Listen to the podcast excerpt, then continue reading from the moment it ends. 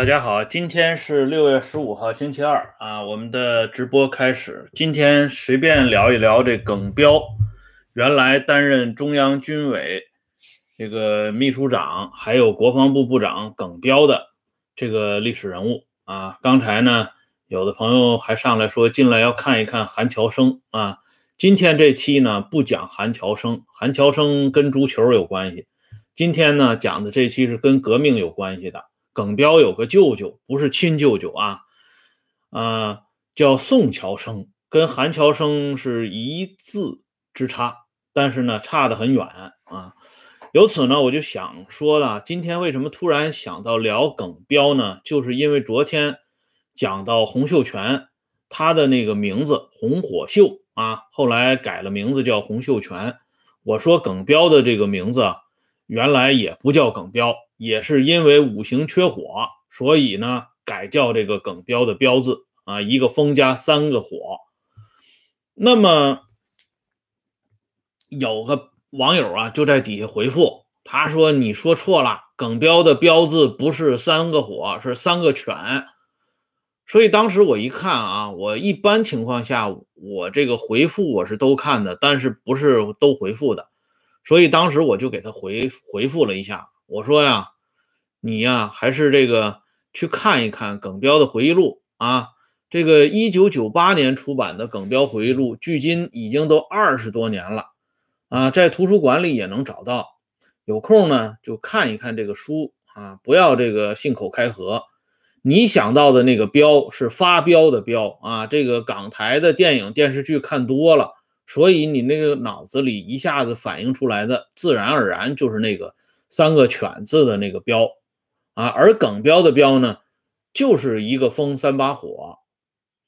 然后呢，今天他又来个回复，他说呢，啊，这个很多书啊都写这个耿彪的彪是发飙的彪，而不是这个一个风三把火，所以呢，啊，导致他就呃认为耿彪的彪是发飙的彪。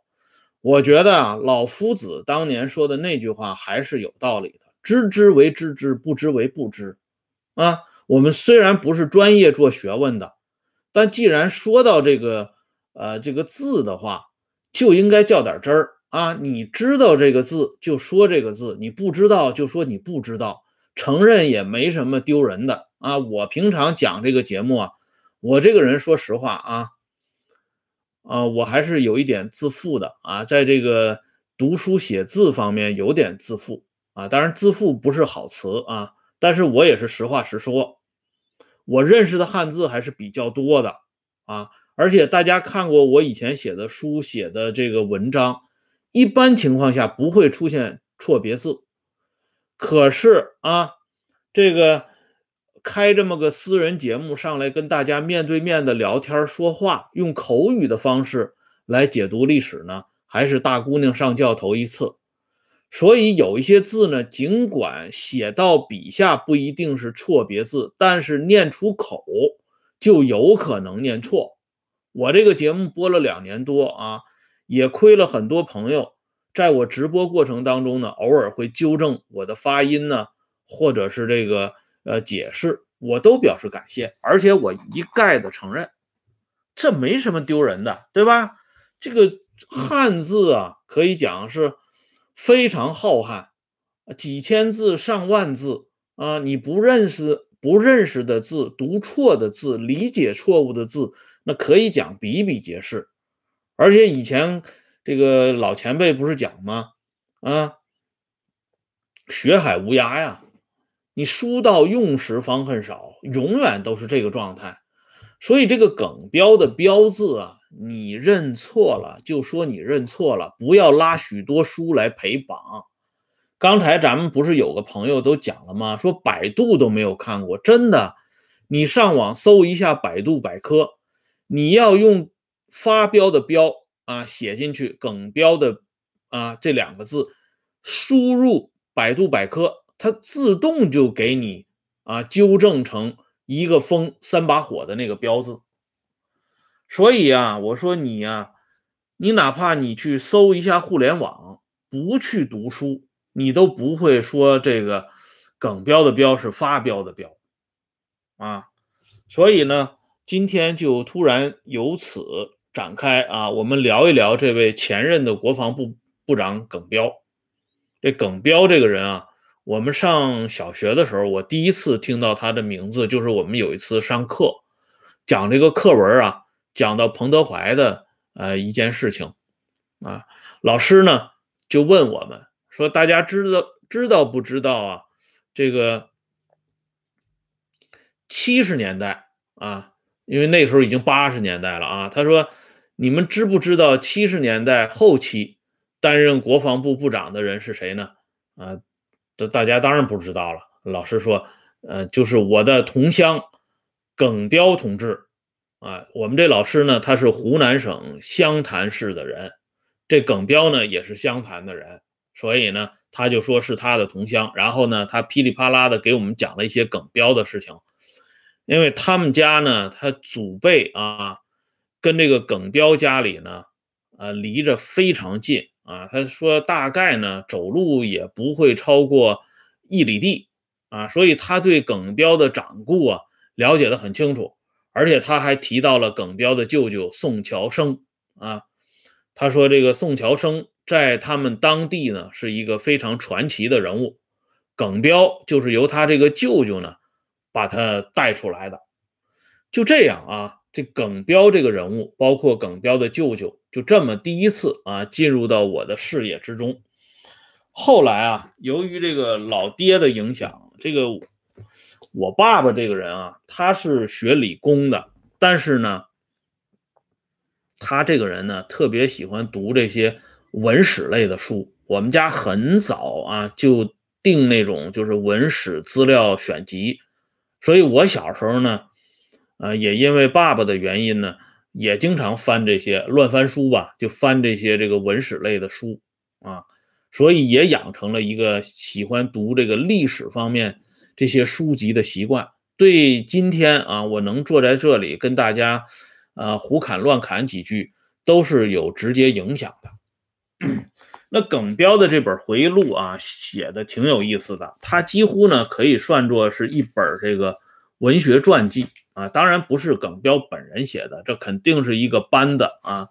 这个他这个回忆录第一张照片很有意思啊，这是他跟呃这个一个大人物，这大人物大家一看就知道啊，因为他的那个裤腰带啊系得很有特色。所以一看系裤腰带的那个状态，大家就知道这大人物是谁了。这里呢，我们不不详细描述了。等这个大人物走的走了以后啊，我们会给大家讲一讲这个大人物的一些故事。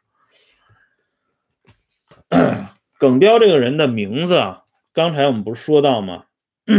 他啊有三个名字啊，他的小名呢叫耿润德啊。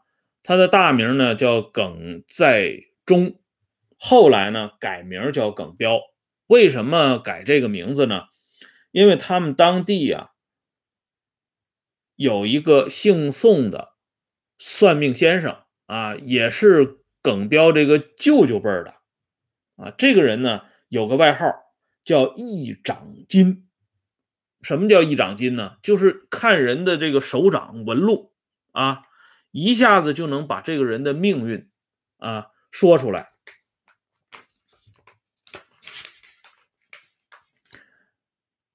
啊，咱们这个朋友提的很细啊。耿彪是出生在湖南醴陵北乡，一九零九年八月二十八号，没错。但是他填写的个人履历表上边，他写的是祖籍湘潭啊，是这么写的啊。这个我给大家。简单说一下啊，咱们这个朋友 看的很仔细啊，很好。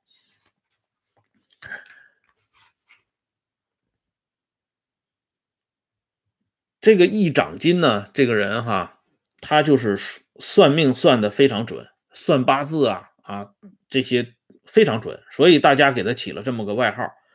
他呢就说这个耿彪这孩子呢，五行缺火。啊，这个耿彪的妈妈也说，怪不得这孩子啊，生下来以后身体一直就不好，所以就按照这个 这位娘家人啊宋先生的掐算，就给他改名叫耿彪。给他改名字的这个人呢，是耿家的长辈，叫耿拜全啊，这是耿彪自己回忆的。宋乔生啊，作为耿彪的舅舅啊，刚才我说了不是亲舅舅啊。宋乔生呢听了以后挺高兴，他说：“这回好啊，你这个名字啊，风风火火啊，而且呢，你这这个姓耿，耿本身呢也有一个火，这等于说是四把火，哎，烧得很旺啊，一定没问题了。以后这个时候啊，耿彪的爸爸就接了一句话，他说：什么五行缺火？”要是生下来就有米饭啊，有肉吃，就没有什么身体不好了，还会缺火吗？啊，然后宋乔生说：“我们这些穷人，金木水火土都缺啊。”然后呢，这个耿彪的爸爸就接了一句话啊，就是讲这个家里啊生活有多困难。这个时候，耿彪的舅舅宋乔生说了一句至理名言。啊，这是耿彪回忆的原文。他舅舅说：“嗯，要是把咱们给逼得太紧了的话，非再起洪秀全不可。”他当然，他中间还骂了一句脏话啊，这个我就不给大家重复了。这句话说的很有意思啊，说如果形势太过逼人的话，那就还要闹洪秀全。而这个时候，耿彪对自己的新的名字呢，有了新的理解。耿彪说：“我朦胧地感觉到，我需要的火不是命运中的火，而是太平天国英雄们身上的那种火，而这正是所有穷苦人所需要的火。”这段话写的非常有意思啊！可以想见洪秀全同志在普天之下穷苦人心目当中的地位。洪秀全同志啊，壮烈殉国的时间是公元一八六四年六月一号。这一天呢，正好是儿童节，所以这个儿童节呢，我不知道是不是跟这个洪秀全同志壮烈殉国的日子有一点关系。但是，呃，这个日子很好，因为我们经常讲啊，革命要从娃娃抓起，所以六一儿童节欠着洪秀全同志殉国的这个日子呢，更方便教育我们的后代啊，继承洪秀全先烈的遗志啊，把这个太平天国运动呢向纵深发展。正像干王洪仁玕所说的那样啊，天国必将复生啊，这是一个很好的事情。而且呢，六月一号过了一个月之后，就是洪秀全同志殉难一个月之后，这个嘉兴南湖上就飘来了一艘船，这艘船呢就给大家带来了无穷无尽的福利，一直到今天已经一百年了，哎，所以呢。耿彪先生当年的这个回忆，我觉得说的也非常好。他的朦胧的感觉终于变成了现实，所有穷苦人所需要的那把火终于来了啊！想躲都躲不开了。那这里呢，我们就提一下这个耿彪的领路人叫宋乔生。刚才我说这个耿彪啊，他的舅舅宋乔生。啊，包括耿彪的这个籍贯是湘潭，为什么这么说呢？因为宋乔生本人就是在一八九一年三月十二号出生在湖南省湘潭县一个贫苦农民的家庭里。这个宋乔生跟伟大领袖之间的关系非常深，啊，深到什么程度呢？两个人从一九二二年就开始有渊源了。大家知道这个南湖这艘船是一九二一年来的啊，那么第二年，这伟大领袖就跟宋乔生发生关系了啊。一九二二年，当时担任中国劳动组合书记部湖南分部主任的毛泽东到湖南省水口山，这个当时水口山有一个铅锌矿，他搞这个调查研究啊，写了一个报告。这个报告呢，据官方史料说，加速了马克思主义在湖南工人当中的传播。而宋乔生就是因为啊，这个受到这个毛泽东的影响，在这一年的春天，一九二二年的春天，正式加入了青年团组织。再加上后来黄埔三杰，黄埔军校最早的三杰蒋先云啊，来到湖南水口山啊，宣传革命。这样呢，宋乔生这个人就应运而生了啊。他后来呢，宋乔生带领湖南省水口山啊水口山矿的工人上了井冈山了啊，跟这个朱德、毛泽东会师。一九二八年五月四号，就是又是一个重要的节日，就是在江西举行红四军成立大会上，水口山的工人武装正式编入红四军军部。宋乔生担任军部 特务营营长，这个特务营啊，就相当于今天的警卫营，所以宋乔生的位置很重要。同时，他还兼任。红四军军械处处长，这段历史呢是何长工晚年专门回忆的，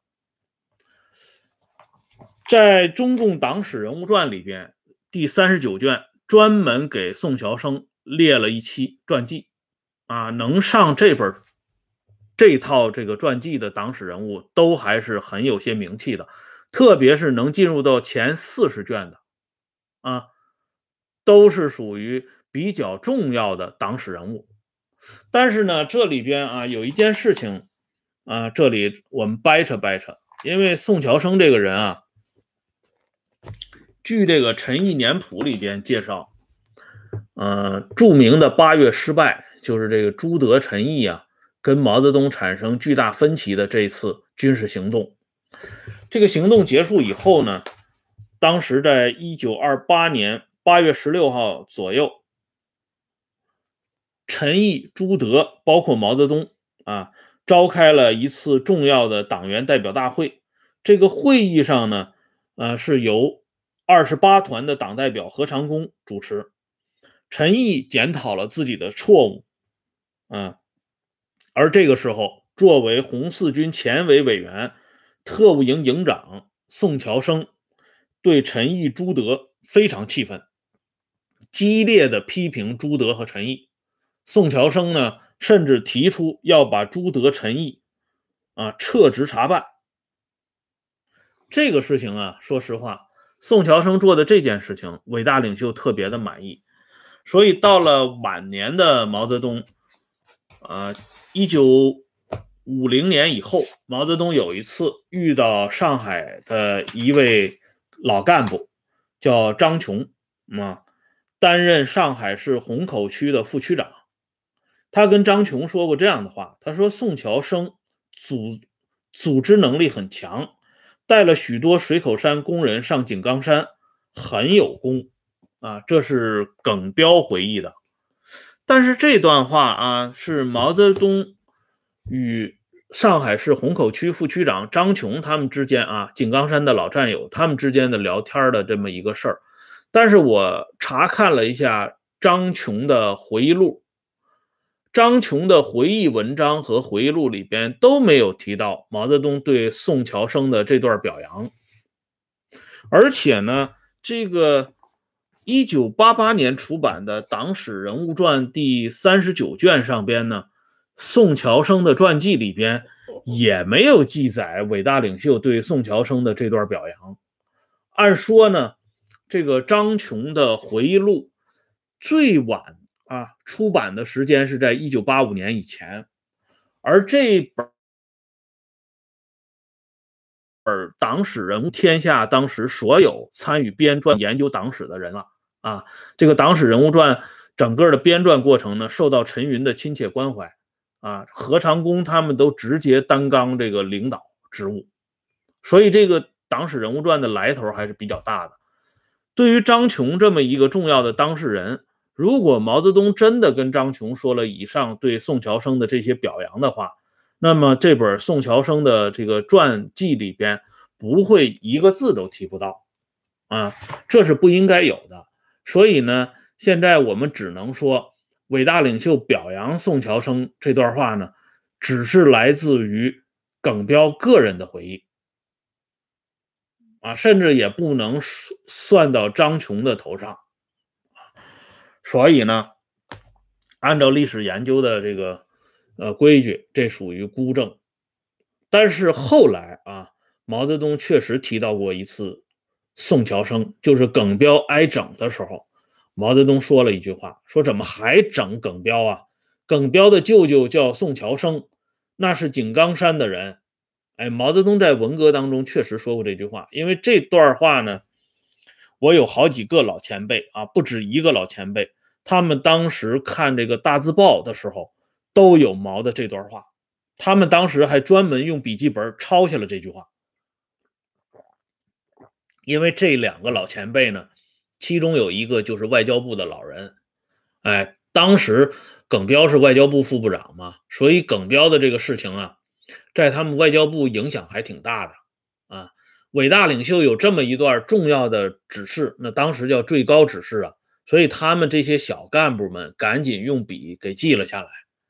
哎，所以后来我写文章的时候呢，就把这段口述资料呢用在里边了。而且那个时候咱们说，没有谁敢吃了雄心豹子胆，假传圣旨的。伟大领袖如果没说过这话，没人敢写到大大字报的，更不敢公开贴到外边去。哎，所以呢，我觉得关于毛泽东提及宋乔生这件事情，在今天咱们聊天的时候，也把这件事呢给他掰扯清楚。啊，因为我曾经写过一篇文章，如果大家感兴趣的话，可以去看一看啊。历史镜头，呃下的耿彪啊，是发表在《同舟共进》这个杂志上边的啊，也是专门介绍了耿彪和他舅舅宋乔生的一些历史片段。好了，今天呢，我们这聊天呢就聊到这里，感谢朋友们上来收看和收听，一会儿呢。咱们开启党史杂谈啊，欢迎大家关注温相说时政会员频道，周一到周五每天都有更新。再见。